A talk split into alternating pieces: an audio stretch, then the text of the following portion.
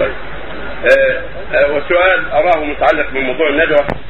آه نستاذن الإخوة في عرضه أنا ادخل شخص وأرغب في استخدام زوجته له حسب اتفاقي معه مسبقا ولكن مكتب الاستخدام يشترط علي ألا يقل راتب هذا المكفول عن خمسة آلاف ريال مع توفير السكن والمواصلات وهذا يخالف ما هو متفق عليه بيني وبينه أصلا.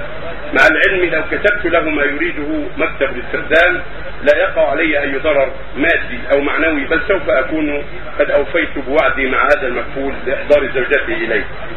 فما رأي سماحتكم؟ الواجب تمشي مع التعليمات لانها لم توضع إلا لمصلحة وحكمة حتى يتوفر لهما العيش المناسب. فإذا خلفت التعليمات فسد الأمر. واختل النظام. وورد إلى البلاد من يضرها. فالواجب عليك إن تمشي مع النظام الذي وضع لك والتعليمات التي وضعت لك والا تستخدم إلا في حدود ما وضع لك وما شرط عليك بذلك. واذا كان النظام يشرط خمسة آلاف وإلا فلا تستخدم الزوجة. طب بين ذلك.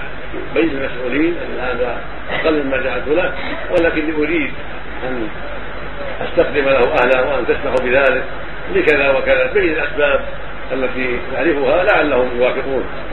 أو تزيد في الراتب لا بأس تريد ان تزيد في الراتب لاعمال أخرى يقوم بها أو نحو ذلك حتى يحصل المطلوب من العمل بالتعليمات ومن راحة صاحبك الذي يريد أهله.